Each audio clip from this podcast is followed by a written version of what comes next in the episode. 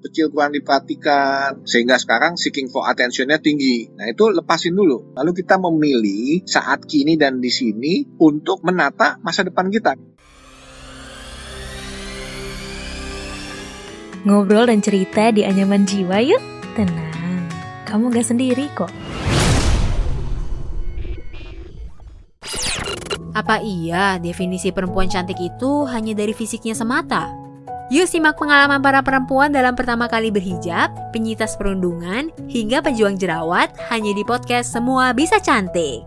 Persembahan Stylo Indonesia dan KG Media. Halo kamu, apa kabar? Selamat datang di podcast Anyaman Jiwa. Podcast yang berbicara mengenai kesehatan mental individu, mulai dari ranah pekerjaan, hubungan percintaan, dan juga sebagai makhluk sosial. Buat kamu yang ingin menambah wawasan mengenai kesehatan mental, yuk simak baik-baik podcast Anyaman Jiwa. Saya Rara Kalesaran. Pada episode kali ini kita akan membahas sesuatu yang spesial yaitu inner child. Nah sebelum mendengarkan obrolan kali ini jangan lupa ya follow dan beri rating terbaikmu untuk podcast Anyaman Jiwa di Spotify. Serta nyalakan notifikasinya supaya kamu bisa terinfo setiap ada episode terbaru yang tayang di hari Rabu dan Jumat. Nah, selain itu, jika kamu ingin mengenal lebih dalam lagi tentang kesehatan mental, jangan lupa kamu bisa membeli buku Dr. Darmawan Ardi Purnama, yaitu pembaharuan logo terapi Viktor Frankl, pencarian makna hidup melalui interpretasi hermeneutika naratif restoratif. Cara mendapatkan buku ini bisa kamu beli di e-commerce. Jika kamu suka baca secara digital versi softbooknya, bisa kamu beli juga di Play Store. Belakangan ini istilah inner child hangat diperbincangkan di media sosial. Sampai-sampai boyband kenamaan dari Korea BTS ikut meramaikan istilah ini dengan meluncurkan sebuah lagu berjudul Inner Child. Melansir dari situs parapuan.co, Inner Child adalah bagian dari diri manusia yang tidak tumbuh dewasa dan tetap menjadi sisi anak-anak, berapapun usianya. Jika terdapat pemicu yang bisa menghadirkan Inner Child, hal itu akan menyebabkan suatu gejala. Inner Child ini didasari oleh pengalaman dan emosi semasa kecil, baik pengalaman baik maupun buruk. Istilah ini membuka mata banyak orang dewasa mengenai isu personal yang bahkan tidak diketahui dirinya sendiri yaitu pengalaman atau trauma ketika semasa kecil dahulu. Ketika membicarakan trauma, dapat dipastikan ini adalah topik sensitif, sehingga kita harus hati-hati dalam membicarakannya. Apabila seseorang terperangkap dalam ingatan inner child yang buruk, dikhawatirkan akan menjadi suatu trigger pengalaman trauma yang tidak diinginkan. Meskipun demikian, istilah ini menarik dibahas karena memberikan wawasan bagi banyak orang karena tidak semua orang sadar bahwa anak kecil dalam diri mereka sedang terluka. Lantas apa sih yang sebenarnya dimaksud dengan inner child? Mengapa isu ini ramai diperbincangkan dan disangkut pautkan dengan masa dewasa? Yuk, kupas tuntas perihal ini bersama dengan dokter Darmawan Apurnama PhD Psychiatrist, psikiater dari FKUI, dan dokter filsafat dari STF Dria Karya. Ya, halo dok, apa kabar? Ketemu lagi kita. Kabar baik, Mbak Iya nih, ketemu lagi episode berikutnya. Sehat? Sehat. Episode berikutnya ini cukup menarik nih dok. Tema kita ya pada eh, podcast kali ini adalah mengenai inner child. Nah ini nih akhir-akhir ini banyak orang yang merasa dirinya tuh tertekan, takut gitu ya, mau menghadapi suatu hal takut atau bahkan depresi.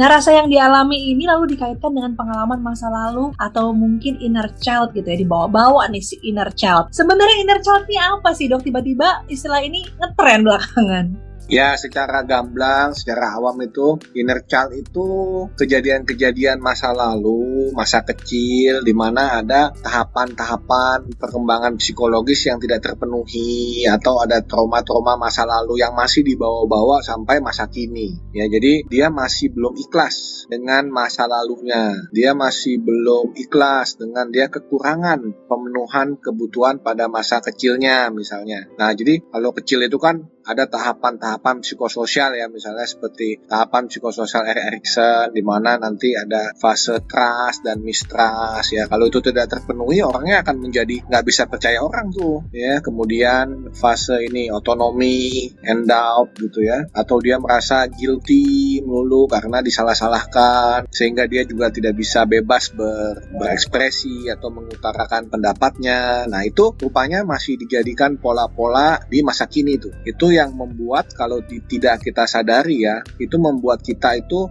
menilai masa kini dengan kejadian masa lalu dan bahkan bahkan ya itu memprediksi masa depan dengan kejadian masa lalu. Padahal belum tentu terjadi seperti itu. Contohnya gimana tuh memprediksi masa depan dengan kejadian masa lalu? Nah, misalnya gini, dia masa lalunya suka dimarahi, suka dilarang. Nah, lalu dia akan memprediksi masa depan nih ketika dia mau menghadapi seseorang, figur otorita yang lain tentunya, bukannya dengan dengan otorita yang waktu dia kecil, ya dia akan memprediksi wah nanti kalau kayak gini jangan-jangan nanti pasti nggak dibolehin nih. Oh nanti kalau kayak gini pasti saya akan disalahkan nih diomelin nih gitu. Padahal belum tentu terjadi kan? Figur otoritas itu kan juga sebetulnya berbeda antara orang di masa lalu dengan orang di masa depan. Tetapi dia menggunakan pola-pola masa lalu yang dia terapkan untuk memprediksi masa depan. Jadi udah takut duluan udah nggak pede duluan. Nah itu yang terjadi tuh sering kali. Wah. belum belum coba tapi udah udah ngikutin kejadian-kejadian trauma-trauma masa kecilnya Oke, nah dok sebenarnya di usia berapa sih eh, anak itu bisa mulai merekam satu kejadian yang dia nggak nyaman gitu? Nah sebetulnya sih sejak dia dilahirkan ya itu kan banyak tahapan-tahapan tuh. Misalkan seperti tahapan good enough mother. Good enough mother itu seorang anak itu dulunya merasa bahwa dirinya dengan ibunya menjadi satu. Jadi begitu dia lapar dia ngek nangis lalu kemudian dia dapat susu dari ibunya. Lama-lama mungkin ibunya itu lagi tanggung kerja di dapur atau apa sehingga begitu dia lapar nangis dia nggak langsung dapet tuh. Di situ dia mulai terbentuk. Yang tadi dibilang good enough mother terbentuk perpisahan ego ego antara oh ini saya itu ibu gitu loh. Nah itu kan hal-hal seperti itu kalau tidak terbentuk dengan baik itu dia akan mengalami suatu kegamangan tuh. Nah itu proses menyadari dan memulihkan ya, perkembangan ego itu harus dilakukan di masa yang akan datang. Jadi prosesnya udah dari awal tuh, dari sejak dia bayi. Nah kemudian masuk ke proses-proses selanjutnya ya sampai dia remaja. Makanya remaja itu setelah rema, remaja akhir ya itu baru dianggap dia mempunyai karakter sendiri, kepribadian sendiri, baru dianggap menetap. Nah jadi sebelumnya itu itu yang disebut dengan masa perkembangan. Jadi kalau anak itu ada masa tumbuh kembang. Kalau tumbuh itu kan badannya. Kalau perkembangan ini eh, masalah psikologisnya ini perkembangan nih, psikologis personality itu masa perkembangan. Nah, jadi ketika anak itu di bawah lima tahun maupun di atas lima tahun ya sampai kepada dia remaja, itu juga ada fase-fase kalau SD itu fase industri. Jadi dia mencoba menampilkan sesuatu, dia mau berkreasi sesuatu. Nah, itu yang mesti kita support. Ah oke. Berarti bisa Masih dibilang sosial tuh di SD. Eh, enggak. Jadi sebelum SD pun udah ini, udah udah penting gitu.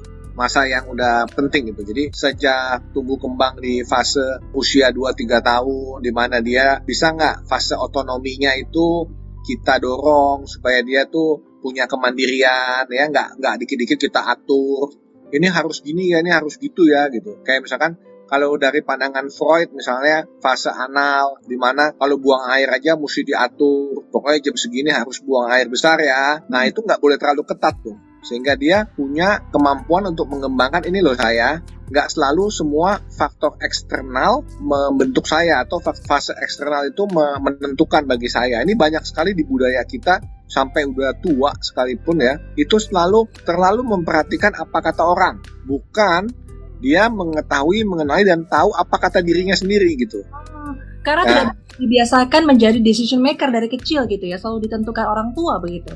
Betul. Orang tua atau extended family itu sering terjadi di budaya kita. Jadi ketika kumpul-kumpul dengan keluarga ya, lalu mulai satu sama lain ngomong, oh bagusnya gini, harusnya begini. Nah ini harusnya harusnya harusnya itu juga akan nanti nih kalau dalam uh, Horney itu ada tyranny of should ya should should should shouldnya ini akan terekam bahwa seakan-akan dia harus melakukan sesuai dengan apa pendapat orang gitu. Ini bukan saya ngajarin jadi egois ya, tetapi kita mesti punya ego yang utuh. Nah beda sama egois. Kalau egois itu kan kita nggak mau mendengarkan apa kata orang, maunya apa kata kita. Di Ya. sini kita tetap mendengarkan apa kata orang, tetapi mengambil keputusannya tetap kita yang mengambil keputusan gitu, sesuai dengan diri kita gitu. Oke, Eh, dok boleh nggak cerita pengalaman yang mungkin dokter bisa kasih gambaran Eh, hal-hal yang akhirnya dari inner child itu mempengaruhi kondisi mental mereka di kemudian hari. Jadi gini, saya suka kasih analogi ya kepada pasien-pasien gitu ya yang konsultasi. Sebetulnya sering kali orang lain memberikan komentar itu, itu seperti komentator sepak bola. Kalau ngasih komen gampang, aduh umpan yang baik, sayang sekali tidak bisa digolkan. Coba lu yang main di lapangan. Belum tentu juga lu bisa ngegolin. Nah, jadi banyak nih kejadian-kejadian seperti belum lama ini ada uh, seleksi CPNS. Itu sebetulnya mereka datang hanya untuk minta surat keterangan sehat jiwa. Tetapi mereka akhirnya curcol. Lalu nanya sebetulnya yang mau jadi PNS ini bukan saya nih dok. Orang tua saya yang mau nyuruh saya jadi PNS nah dia nggak berani ngelawan tuh kata-kata orang tuanya atau kata keluarganya. Karena kata orang tua dan keluarganya kalau jadi PNS itu aman katanya. Hidupnya aman gitu kan. Tenang sampai pensiun gitu. Karena mereka menggunakan Google Map-nya nggak diupdate. Jadi kalau menggunakan peta petanya itu nggak diupdate. Dia masih pakai peta pola pikir masa lalu. Kalau masa lalu jadi PNS memang oke okay, aman gitu zaman sekarang udah terjadi perubahan loh. PNS itu betul-betul dituntut dengan segala macam target, kedisiplinan ya, dan ada hukumannya. Gitu. Nggak seperti dulu. Nah, jadi perubahan-perubahan ini yang sering kali membuat seseorang tuh nggak nyadar bahwa ini terjadi perubahan, dia masih pakai pola pikir masa lalu. Nah, itu kan ditekankan tuh sejak dulu, sejak kecil, sampai saat ini, sehingga dia nggak bisa berani untuk mengungkapkan harapannya, argumentasinya, termasuk juga seperti misalnya karena masalah inner dalam perkawinan akhirnya terjadi konflik. Ada pasien yang konflik karena dia awalnya dia itu karena masalah dengan inner child-nya dia mengharapkan punya suami yang eksekutif, profesional gitu. Ketika akhirnya suaminya uh, berwira swasta, nah kemudian dia menjadi kecewa gitu. Dia menjadi kecewa, kemudian dia menjadi uh, kesel, marah gitu. Dia lalu dia merasa bahwa dari dulu juga bapak saya nggak begitu. Bapak saya maunya uh, bapak saya bilangnya ke saya tuh yang yang yang bagus kayak gini. Karena dia masih mengambil sebuah role model seperti bapaknya misalnya gitu. Banyak tuh yang kayak gitu-gitu. Oke. Okay. nah ini juga yang sekarang banyak tuh adalah perundungan nih atau bullying gitu ya. Banyak anak-anak yeah. yang dibully. Ternyata dampaknya tuh sampai besar sebenarnya bagaimana nih dampak dari perundungan atau bullying yang sering terjadi loh pada anak-anak? Ya itu anak saya juga pernah tuh dibully, tapi dia cerita dengan dengan lucu-lucuan tuh. Jadi anak saya tuh pernah dibully tuh setiap kali dia bawa bola, dia main sepak bola, bawa bola tuh ada temennya yang ngatain, woi ada babi bawa bola, ada babi bawa bola gitu. Karena hmm. kebetulan anak saya tuh dulu kecilnya pada montok-montok gitu loh, tumbuk-tumbuk. Hmm. Terus dia cerita dengan santainya, setiap kali saya bawa bola, ada yang ngatain tuh ada babi bawa bola. Gitu. Terus kamu kok bisa cerita begitu sih? Lucu-lucuan? Kamu nggak merasa kesel? Itu kan dibully kamu. Biarin aja yang ngomong begitu cuma satu dua orang. Yang lain enggak kok. Lagi pula yang penting kan di rumah disayang sama papa mama dia bilang oh, sama kakaknya dia bilang gitu. Nah jadi sebetulnya dari situ kita lihat ya masalah dibully itu kan masalah di konteksnya di tempat di, di tempat kerja atau di sekolah. Biasanya anak-anak kan di sekolah ya. Nah sebetulnya mesti ada social support yang buat dia dia ada security gitu ada rasa aman. Sehingga dia tahu bahwa di belakangnya itu ada yang backup selalu. Ada yang support dia selalu. Sehingga dia nggak terlalu ambil hati sama bullyingnya itu. Karena yang ngebully pun juga paling cuma sekelompok anak-anak yang ya yang berbeda lah dengan dia. Sedangkan yang lain kan biasanya netral atau bahkan kalau anak-anak yang suka punya kelompok juga punya geng sendiri ya dia akan diterima di gengnya itu. Mm-hmm. dan juga di keluarga gitu. Sehingga dia nggak begitu fokus sama hal negatif ketika dia dibully. Nah ini menjadi berbeda ketika anak-anak itu dari uh, keluarga atau dari lingkungan sosial yang kurang suportif untuk dia. Oke, nah gimana nih dok caranya gitu ya? Kita ini sebagai yang mendengarkan pastinya bukan anak-anak lagi ya, orang tua atau mungkin juga kakak atau mungkin keluarga ada nih kerabat kita yang mempengaruhi sampai kesehatan mental. Nah ini banyak nih, belum lama juga teman saya ada yang cerita seperti dia bilang katanya istilahnya tuh keluarganya dan teman dekatnya itu tidak bisa diubah, akan selalu membuli dia, akan selalu berpandangan negatif terhadap dia. Lalu saya katakan begini, sekarang kamu itu kan udah bukan lagi anak orang, kamu itu udah orang. Jadi kalau ketika seseorang itu udah dewasa, dia bukan lagi anak-anak itu, dia punya otonomi, dia punya tanggung jawab sendiri. Nah jadi pertama kita lihat dulu nih, itu masa lalu. Kemudian masa lalu dibawa nggak ke masa sekarang. Ketika dibawa ke, ke masa sekarang, kita mesti lihat lagi. Saat kini saya bisa memilih apa. Kalau waktu kecil, kita kan di bawah orang tua kita. Kita sering kali nggak bisa memilih, karena eh, tanggung jawabnya dipilihkan oleh orang tua kita. Nah, oleh sebab itu, kita setelah menyadari itu bahwa kita sekarang bisa memilih, nah, kita memilih untuk berubah. Kalau kita menuntut orang lain untuk berubah, ya memang susah. Kayak tadi kan kata-katanya emang orang-orang kayak gitu, yang toxic positivity lah, yang memang sering uh, negatif melulu lah gitu. Itu kan orang lain nggak bisa diubah yang penting kita, kita mengubah diri kita dulu, melepaskan beban masa lalu, melepaskan hutang masa lalu, jadi hutang perhatian, waktu kecil kurang diperhatikan, ya, sehingga sekarang seeking for attentionnya tinggi. Nah itu lepasin dulu, sadari dulu, kemudian lepasin dulu, lalu kita memilih saat kini dan di sini untuk menata masa depan kita. Kita juga mesti tahu masa depan kita kita mau kayak gimana, kita mau jadi orang yang seperti apa. Kita mau menjadi orang yang bisa menerima yang sudah lalu, lalu memperbaiki sekarang. Kemudian kita juga mesti bisa berdamai dengan masa lalu karena masa lalu nggak bisa kita ubah. Yang bisa kita ubah adalah sekarang. Walaupun sekarang pun juga mungkin ada aja ya, misalnya udah takdir yang nggak bisa diubah gitu loh. Hmm. Karena itu kan juga terkait dengan masa lalu. Misalnya saya dilahirkan di Jakarta dengan saya dilahirkan di Surabaya tentunya juga saya nggak bisa ubah tuh. Hmm. Nah, tapi apa yang bisa saya kembangkan? Saya memilih apa yang bisa saya kembangkan menjadi lebih positif gitu dengan modal yang ada saat kini. Nah, jadi itu yang mesti dilakukan nomor satu. Ya, saya mau melakukan apa untuk diri saya dan saya ini manusia yang punya kebebasan dan tanggung jawab sendiri. Hmm. Gitu. Nah itu ada teknik-tekniknya sih, bisa aja kita pakai teknik narasi ya. Jadi kita buat dulu cerita, narasi. Nah nanti pada dasarnya kan hidup itu cerita ya.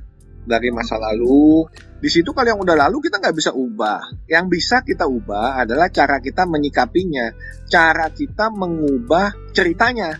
Ya. Nah, gitu. Tergantung bagaimana kita menceritakannya dan juga next kita akan menceritakannya bagaimana. Nah, Dok, kalau misalnya ini itu itu kita ya yang perlu untuk um, melepaskan beban masa lalu. Kalau kita sebagai orang yang ingin membantu mereka yang perlu untuk melepaskan beban masa lalu. Nah ini susah-susah gampang, susah-susah gampang ini. Itu menjadi gampang ketika orangnya tersebut kita coba sadarkan dia mau. Tetapi kalau dia nggak mau, dia masih nggak ikhlas terus gitu ya. Dia masih ngotot mau membalas dendam ya. Nah ini agak jadi itu menjadi sesuatu yang susah, nggak gampang lagi. Nah karena itu itu biasanya udah ranahnya uh, profesional tuh. Kalau dia ada keluhan-keluhan lain terkait itu, bisa jadi kalau di bidang psikiatri itu mereka yang tidak pernah selesai dengan masa lalunya akan bermanifestasi dalam bentuk uh, keluhan fisik, sering sakit kepala, sakit perut, sering sakit pinggang, ya bangun ototnya kaku semua gitu. Nah dari situ kita masuk untuk memperbaiki kondisinya dan juga menyadari dia bahwa dia ini masih banyak beban yang dia bawa. Nah itu udah ranahnya profesional tuh. Tetapi at least kalau kita yang awam, nomor satu kita coba ajak dia berpikir, ajak dia mengambil jarak. Dia ada di mana sekarang? Di timeline waktu kehidupan kita. Nah kemudian dia maunya apa harapan dia? Pasti dia bilang dong harapannya kan saya waktu kecil nggak begitu. Oke okay, ya. sekarang kan kamu udah nggak kecil lagi. Nah harapan kamu sekarang kamu mau bahagia kamu mau senang yang seperti apa? Nah misalnya kalau dia masalah kecil dia nggak bisa gitu. Sekarang dia udah nggak kecil lagi tapi dia punya anak. Apakah dia nggak mau bikin anaknya itu menjadi bahagia seperti impian dia? Daripada dia mengikuti pola-pola masa lalunya dia. Kalau dia ngikuti pola masa lalunya dia anak jadi korban berikutnya. Nah, hal-hal seperti ini yang kita coba dialog dengan dia. Kalau dia terbuka, dia bisa mengerti, ya kita bisa support dia terus tanpa perlu juga dibawa ke profesional gitu. Cuma memang ada skill-skillnya ya, di mana tahapan-tahapannya kalau enggak nanti jadi konflik. Sepertinya benang merahnya tuh dialog ya. Kalau yang punya masalah itu adalah kita, kita dialog dengan diri sendiri kalau yang punya masalah ada orang terdekat kita, kita coba ajak untuk dialog juga. Jadi memang sepertinya sharing ataupun juga uh, mencoba untuk membuat dialog ya dalam pikiran kita tuh perlu juga ya dok ya? Iya itu perlu sekali, tapi ada syaratnya. Satu syaratnya kita cukup pandai. Kalau kita nggak cukup pandai susah tuh untuk bisa menemukan ide atau kita mengambil kesimpulan, mengkomprehensifkan pengalaman negatif dan positif. Nomor dua, ya dalam dialog dengan orang lain, itu tidak boleh ada gangguan kepribadian. Nggak bisa terjadi itu dialog bagaimanapun juga. Itu mesti diberesin dulu itu. Nah terakhir dokter mungkin bisa uh, dikasih tipsnya gitu ya gimana cara kita menyikapi inner child ini. Kemudian juga bagaimana kita berdamai dengan pengalaman buruk di masa lalu. Nomor satu itu ingat bahwa kita hidup tidak di masa lalu. Ya selalu ingat bahwa kita hidup tidak di masa lalu. Harapan masa lalu masih bisa kita wujudkan di masa kini dan di masa yang akan datang. Itu tergantung dari pilihan kita. Nah, jadi itu dulu. Kita mesti yakinin dulu bahwa hidup kita tidak di masa lalu. Kita lihat sekeliling kita, kita dengar, kita rasakan dengan semua panca indera kita bahwa kita di masa kini dan di masa kini selalu ada kesempatan memilih. Ya, ya. Oh diambil hikmahnya untuk pelajaran ke depan. Terima kasih Dokter Darmawan, mantap sekali. Mudah-mudahan nanti di episode berikutnya kita juga mendapat pikiran-pikiran yang lain ya dok ya. Ya, terima kasih juga Mara. Sama-sama dok, sampai Dan sehat selalu. Di episode berikutnya, salam sehat. Demikian podcast Anyaman Jiwa bersama Dokter Darmawan Apurnama. Nah buat kamu yang ingin berbagi cerita tentang kesehatan mental, boleh banget yuk kirim ke email podcast at kgmedia.id atau bisa DM Instagram at sonorafm92 dan at medio by KG Media. Dengarkan podcast menarik lainnya dari Anyaman Jiwa di Spotify. Ya, udah selesai episode kali ini. Tungguin episode Anyaman Jiwa selanjutnya ya.